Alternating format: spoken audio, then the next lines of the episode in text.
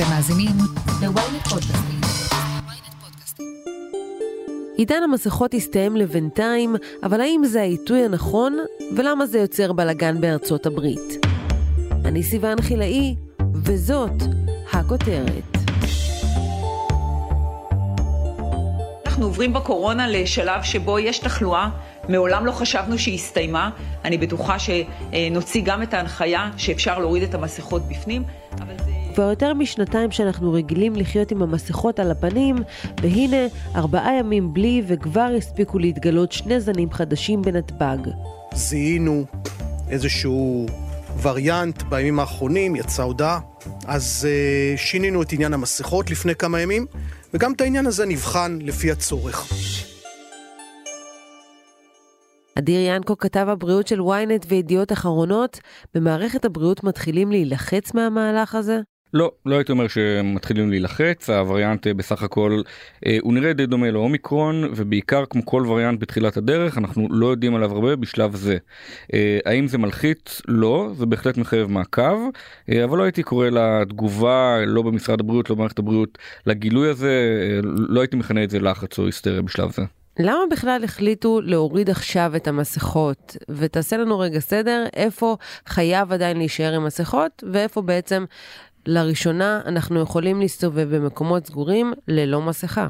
אז קודם כל אה, אה, הסרת מסכה בחללים אה, פתוחים זה כבר קורה כמה חודשים ניתן זה לא דבר חדש בעיקר כפי שאמרת הבשורה המשמעותית פה היא בחללים סגורים אבל בבתי חולים מרפאות בתי אבות טיסות בינלאומיות אנשים שנמצאים בדרך לבידוד כל המקומות האלה עדיין מחויבים בעטיית מסכה. צריך להגיד לגבי טיסות בינלאומיות יש איזשהו עניין משפטי כי בעצם ההחלטה היא גם של חברת התעופה ויש חברות תעופה ברחבי העולם שכבר לא מחייבות את הנוסעים אה, במסכה ולכן חשוב לדעת גם את זה. אה, ומשרד הבריאות ממליץ צריך להגיד בעניין הזה די בצדק לאוכלוסיות בסיכון בעיקר אה, אה, לבני 60 ומעלה אנשים שמתמודדים עם אה, אה, מחלות אה, שבעצם מחלישות את מערכת החיסון שלהם אה, עדיין להמשיך ולעטות אה, את המסכה ולשאלתך למה דווקא עכשיו אני חושב שאנחנו רואים פה איזושהי דוגמה לכך עוד דוגמה בעצם שלכך שמשרד הבריאות גם בעניין הזה אה, הוא יותר מובל ולא מוביל. כי הציבור בעצם כבר ויתר על המסכה אה, באופן אה, די ניכר. זה לא אומר שהאחריות היא לא על משרד הבריאות בעניין הזה אבל אה, גם ברחבי העולם כחלק מאותה חזרה לשגרה המיוחלת שכולנו בעצם רוצים לחזור לשגרה אה, לאחר שנתיים של מגפה לא פשוטה בכלל גם בעולם מתחילים לאט לאט לוותר על, ה, על המסכות. ישראל היא לא מהמדינות הראשונות אה, אה, שמקבלת החלטה כזו ואני חושב שבמשרד הבריאות ראו בשבועות האחרונים שההנחיה הזו ברקע הדעיכה צריך להגיד המאוד מאוד מאוד עקבית בשיעורי התחלואה המסכה כבר מאבדת מתפקידה ההיסטורי אם תרצי.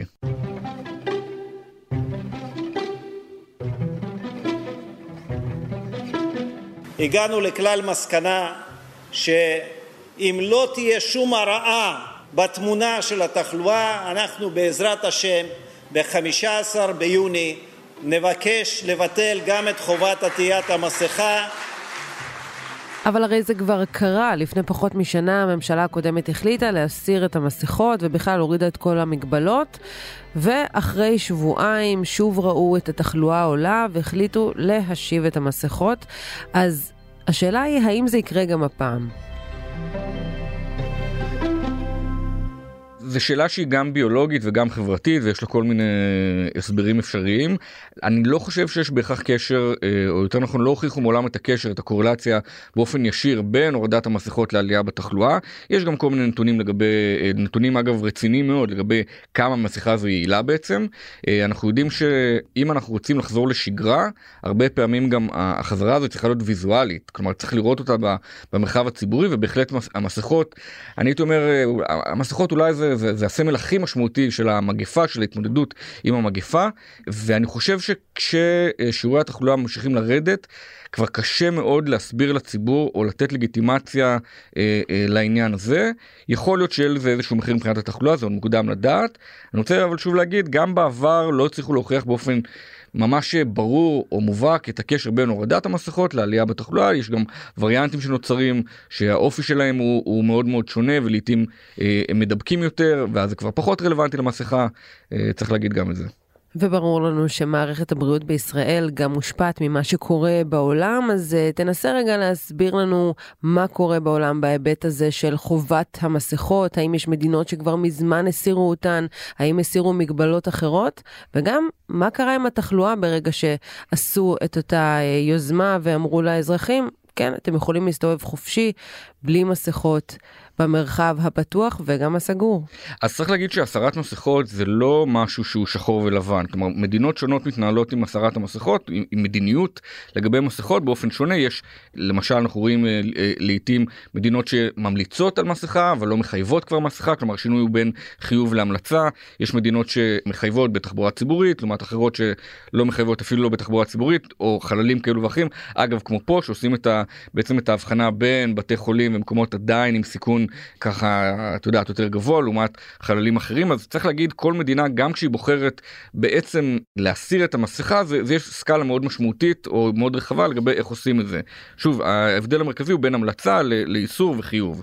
איפה זה כבר קורה? אז בפורטוגל למשל בספרד בחלקים בהודו אה, הסירו את המסכות גם בקולומביה אנחנו רואים שבספרד אה, למשל עדיין בתחבורה ציבורית צריך בחללים אחרים לא צריך לאט לאט אנחנו רואים איזה מגמה כבר די די משמעותית של הסרת המסכות של אנשים שאפילו הייתי אומר מדינות שבמידה מסוימת נעתרות למה שהאזרחים במדינה אה, אה, רוצים ומבקשים כמובן תוך שמירה על שיקול שיקול של בריאות הציבור אבל עדיין אה, אני חושב שאחד הסימנים הכי משמעותיים לחזרה לשגרה בטח שמבחינה אפידמיולוגית אפשר כרגע לעשות את זה אה, זה הסרת המסכה ואנחנו רואים שמדינות אכן אה, הולכות בכיוון הזה. אה, וצריך להגיד שיש גם מקרה מעניין שאפילו הגיע לבית המשפט בארצות הברית. מיד נמשיך עם הכותרת, אבל לפני כן, הפסקה קצרה. יש אנשים שהסיפור האישי שלהם כל כך מעניין ומעורר השראה, עד שאסור לתת לו להישכח בערפילי הזמן. אנחנו, ברשת עושים היסטוריה, נעזר בניסיון העשיר שלנו כחברת הפודקאסטים המובילה בישראל, כדי להפוך את הסיפור האישי של סבא, סבתא, אבא או אימא שלכם לפודקאסט כל כך מרתק ועשיר, עד שגם הנינים ובני הנינים שלכם יאזינו לו בשקיקה בעוד עשרות שנים.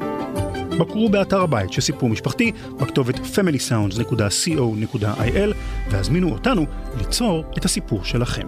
סיפור משפחתי, מתנה שנשמרת לדורות.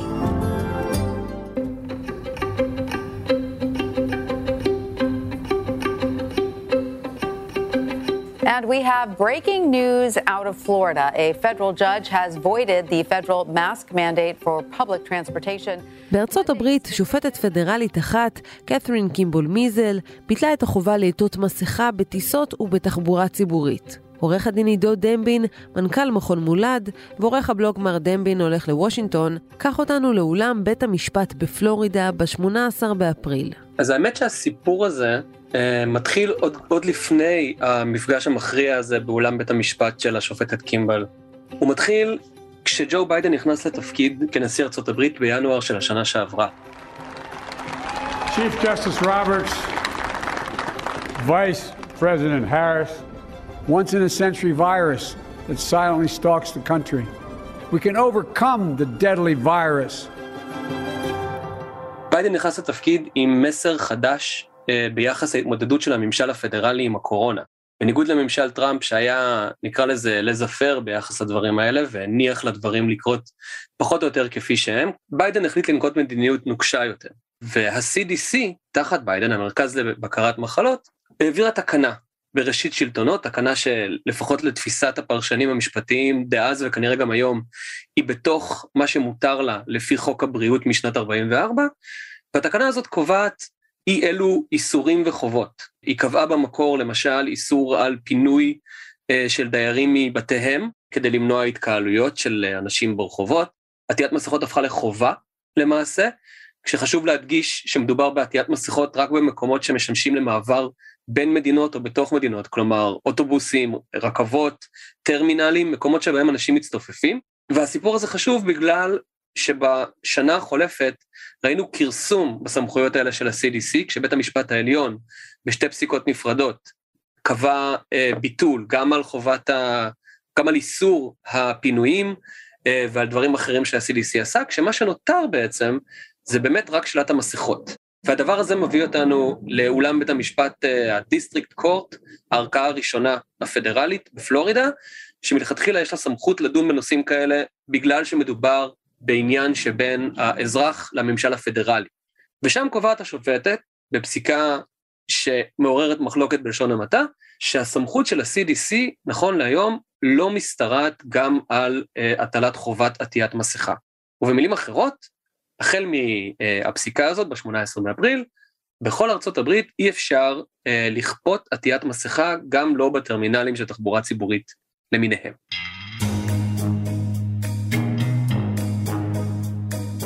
אז מה כל כך ייחודי בפסיקה הזאת? יש כמה היבטים שייחודיים, יש לה היבטים משפטיים שייחודיים, למשל העובדה שהחוק המקורי שמסמיך את ה-CDC אה, קובע שורה של אה, דברים שה-CDC יכולה לעשות, למשל למנוע התקהלויות, אה, להורות על הרגלי היגיינה מסוימים, אבל הוא לא מונה את כל הדברים שה-CDC יכולה לעשות. התפיסה עד היום הייתה שבעצם זו רשימה פתוחה, כלומר ה-CDC יכול לעשות עוד דברים, ומה שהשופטת אומרת זה שלא, הרשימה הזו היא רשימה סגורה, והיות שעטיית מסכות, או כל בד אחר לצורך העניין, לא מופיע שם, הרי זה לא בסמכותה של ה-CDC. מעבר לזה, זה משמעותי בגלל שזה משנה את כל המדיניות בארצות הברית. באה שופטת מחוזית בפלורידה, ובעצם מפילה את אחד מאבני הפינה של המדיניות של הממשל ביחס לעטיית מסכה. וזה משנה את כל האופן שבו מסתכלים על הנושא הזה, וגם את האופן שבו אפשר יהיה להתמודד עם מגפות דומות בעתיד. אתה יכול לספר לנו על השופטת קימבול מיזל? יש הרי טענות שהיא מונעת ממניעים פוליטיים בפסיקה הזו. קימבול מיזל היא אישה בת גילי, מסגיר פה את גילי, בת 35 בערך, היא מונתה לפני כשנתיים. העניין המרכזי סביבה הוא שהיא בעצמה מינוי של הנשיא טראמפ לקראת סוף כהונתו, מינוי שנוי במחלוקת צריך להגיד, הלשכה האמריקאית טענה שאין לה ניסיון שיפוטי, אין לה ניסיון כעורכת דין בשביל למנות את התפקיד, אבל היא מונתה בכל מקרה, כי טראמפ רצה שופטים שמרנים, והוא אכן מינה מאות שופטים שמרנים בכל הערכאות, כשגולת הכותרת כמובן הייתה מינוי של שלושה שופטים שמרנים תוך ארבע שנים לבית המשפט העליון. של ארצות הברית. אז איך שופטת פדרלית אחת יכולה לתת הכרעה כזו שמשפיעה בעצם על מדינה שלמה? זו שאלה מצוינת, כי היא פותחת צוהר לאופן שבו מערכת המשפט האמריקאית עובדת. מבלי לחפור יותר מדי בדברים האלה, צריך לזכור את הדבר המרכזי, והוא שיש הפרדה בין מערכת המשפט של המדינות, לכל מדינה יש מערכת משפט משלה, ומצד שני יש את המערכת המקבילה, הפדרלית. במערכת הפדרלית הרגילה יש שלוש ערכאות. הנמוכה ביותר זה ה-district court, איפה שהשופטת מיזל יושבת, מעליה יש את ה-court of appeals, אה, עם כמה circuits, כלומר כמה אה, מחוזות, ומעל זה יושב בית המשפט העליון על תשעה אה, השופטים שבו, שבוחר איזה תיקים הוא רוצה לקחת. במקרים מאוד ספציפיים יכול שופט של מחוז ספציפי לפסוק משהו שקובע ביחס לכל המדינה.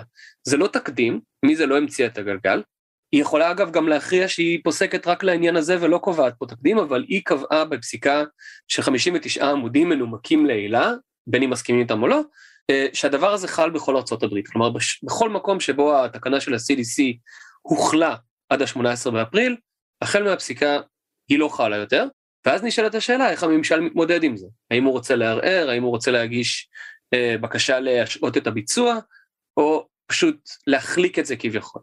טבעם של דברים כאלה זה שכשהם לא חקוקים בסלע עד הסוף, בסוף הדברים האלה מגיעים לבית המשפט העליון. בשאלה הספציפית של לפנינו כאן, זה פשוט לא ברור שהאינטרס של אה, ממשל ביידן הוא לקחת את זה לבית המשפט העליון, או אפילו לערכאת הערעור השנייה. כי נכון להיום, אה, בית המשפט לערעורים שאליו הוא צריך לגשת, יש בו 11 שופטים, מהם שישה שמרנים, שמונו על ידי רפובליקנים.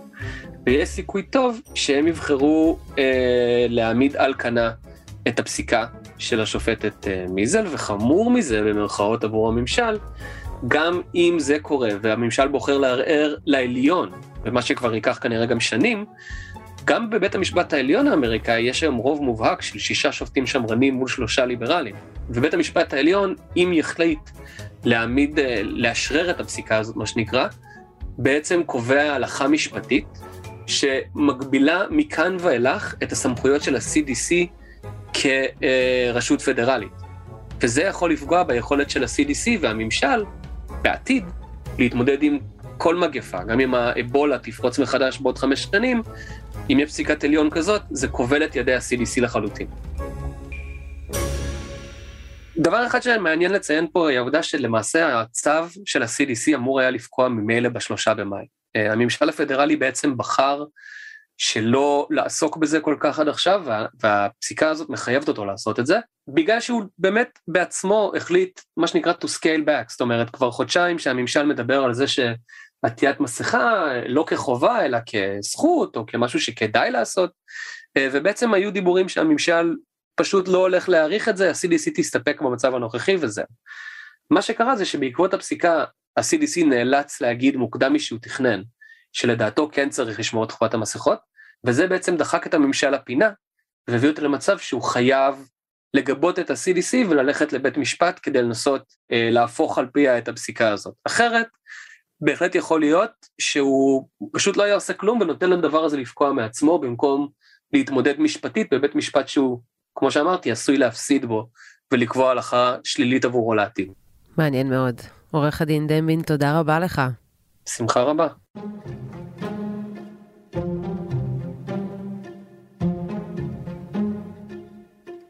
And now to the latest on the fight against COVID 19. China is going through its worst outbreak of COVID 19 since the beginning of the pandemic, as cases spike and lockdowns are brought back. אדיר, איך אפשר להחליט להסיר מסכות כשאנחנו עדים לגל תחלואה נוסף וחדש שמשתולל עכשיו בסין? אנחנו יודעים שאנחנו כבר חיים בעולם די גלובלי ומה שקורה במדינה אחת עשוי להשפיע על אה, שאר המדינות אה, ועדיין אני חושב שסין הגישה שלה שהיא גישה מאוד מאוד נוקשה אנחנו רואים שם סגר אה, באזור שנגחאי בשבועות האחרונים שהוא באמת מאוד מאוד מאוד קיצוני בהיקף שלו ובאכיפה שלו גם אני חושב שהמדינות, בוודאי בעולם המערבי, אה, אבל לא רק, באמת רוצות לחזור לשגרה. מדובר על אירוע שהוא מאוד מאוד ארוך, שהיו לו מחירים גם בריאותיים וגם כלכליים וגם חברתיים וגם נפשיים מאוד מאוד משמעותיים, ומדינות רוצות לחזור לשגרה תוך זמן שאנחנו במקביל יודעים שהווריאנטים שהם אה, אה, הם דומיננטיים כרגע, בעיקר האומיקרון וכל התתי זנים של האומיקרון, הם, הם זנים שהם גורמים למחלה הרבה יותר קלה. ואפשר גם להגיד את זה וחשוב להגיד את הדבר הזה ולכן יש איזושהי כמיהה לחזרה לשגרה תוך כמובן ניהול סיכונים כמו כל דבר בחיים כלומר זה שכרגע יש גל תחלואה בסין זה עדיין משהו שאפשר וצריך לעקוב אחריו אבל הוא לא צריך לשבש את החיים של כל אזרחי, את יודעת, של אזרחים ממדינות אחרות. אז האיזון הזה בין שמירה על בריאות הציבור, אבל גם הסתכלות על ההיבט היותר רחב של מהי בריאות הציבור, של בריאות נפשית ושל בריאות, אה, את יודעת, של חוסן כלכלי, צריך אה, אה, להסתכל שנתיים אחרי פרוץ המגיפה צריך להסתכל גם על השיקולים הללו אה, ולכן זה נראה שהמגמה של בין היתר הסרת המסכות היא נראית כרגע הגיונית מאוד. השאלה אם במקרה כזה שאנחנו רואים שבמדינות מסוימות עדיין התחלואה גבוהה לא עדיף פשוט להישאר במסכות לחכות עוד כמה זמן שאולי באמת המגפה הזאת תהיה מאחורינו ואז כל מדינות העולם אולי כבר יוכלו להסיר לחלוטין את המגבלות. אז השאלה מאוד מאוד טובה, אני חושב שאנחנו מתקרבים, אה, כפי שאמרתי, למקום של ניהול סיכונים, וזה, וזה השלב הבא בהתמודדות עם המגפה הזו. כי בעצם אה, מדובר על אירוע שהוא גם מאוד מאוד ארוך, אבל הוא גם משתנה. אמ, נכון שבמדינות מסוימות אה, אה, יש שיעורים גבוהים יחסית של תחלואה, אבל במדינות אחרות אה, אנחנו רואים מגמה דווקא הפוכה. אנחנו רואים גם בחודשים האחרונים שבעצם יותר ויותר מדינות בעצם אומרות לאזרחים שלהן שהאחריות היא גם שלהם וצריך להגיד את הדבר הזה זה קרה גם בישראל. כלומר צריך לשרטט פה איזשהו גבול הייתי אומר כלומר מה, מהי אותה דעיכה של, של מגפה? מהי אותה נקודת הסיום? יכול להיות שאנחנו לא נראה אותה בשנים הקרובות. ואם לא נראה אותה בשנים הקרובות אז מה יהיה המחיר מבחינת מבחינת כולנו? אה, ולכן אני חושב שהכיוון שה, הזה של ניהול סיכונים של איפה אני שם מסכה איפה אני לא שם מסכה ואם אני לא שם מסכה זה, זה יכול להיות בסדר. אה, הוא כיוון טוב אחריות אה, היא גם שלנו. לא הכל אפשר לפתור בנהלים והגבלות אה, ואני חושב שהציפייה שלנו ל- ל- לסיום המגפה בצורה גורפת איזה פוטו פיניש כזה שיהיה נורא נורא ברור אני לא בטוח שזה יקרה כפי שאנחנו מדמיינים ולכן זה לא בהכרח דבר רע שאנחנו כרגע נתנהל עם שכל ישר והיגיון בריא במקום של קבלת החלטות מהסוג הזה. כן, אז שכל אחד יעשה את השיקולים שלו. אדיר ינקו, כתב הבריאות של ynet וידיעות אחרונות, תודה רבה לך. תודה לכם. עד כאן הכותרת להפעם. אתם מוזמנים לעקוב אחרינו בוויינט או איפה שאתם שומעים את הפודקאסטים שלכם. אם זה קורה בספוטיפיי או באפל פודקאסט, אתם מוזמנים גם לדרג אותנו ולהזין לפרקי המגזין של הכותרת על העולם שאחרי הקורונה. כתבו לנו מה דעתכם על הפרק בקבוצת הפייסבוק שלנו פודקאסט להמונים, וכמובן, אל תשכחו לשלוח את הפרק לחבר שעדיין לא שמע את הכותרת של היום. עורך הפודקאסטים הוא רון טוביה, גיא סלם סייע בעריכת הפרק, על הסאונד ניסו עזרן. אני סיוון חילאי, נשתמע בפעם הבאה.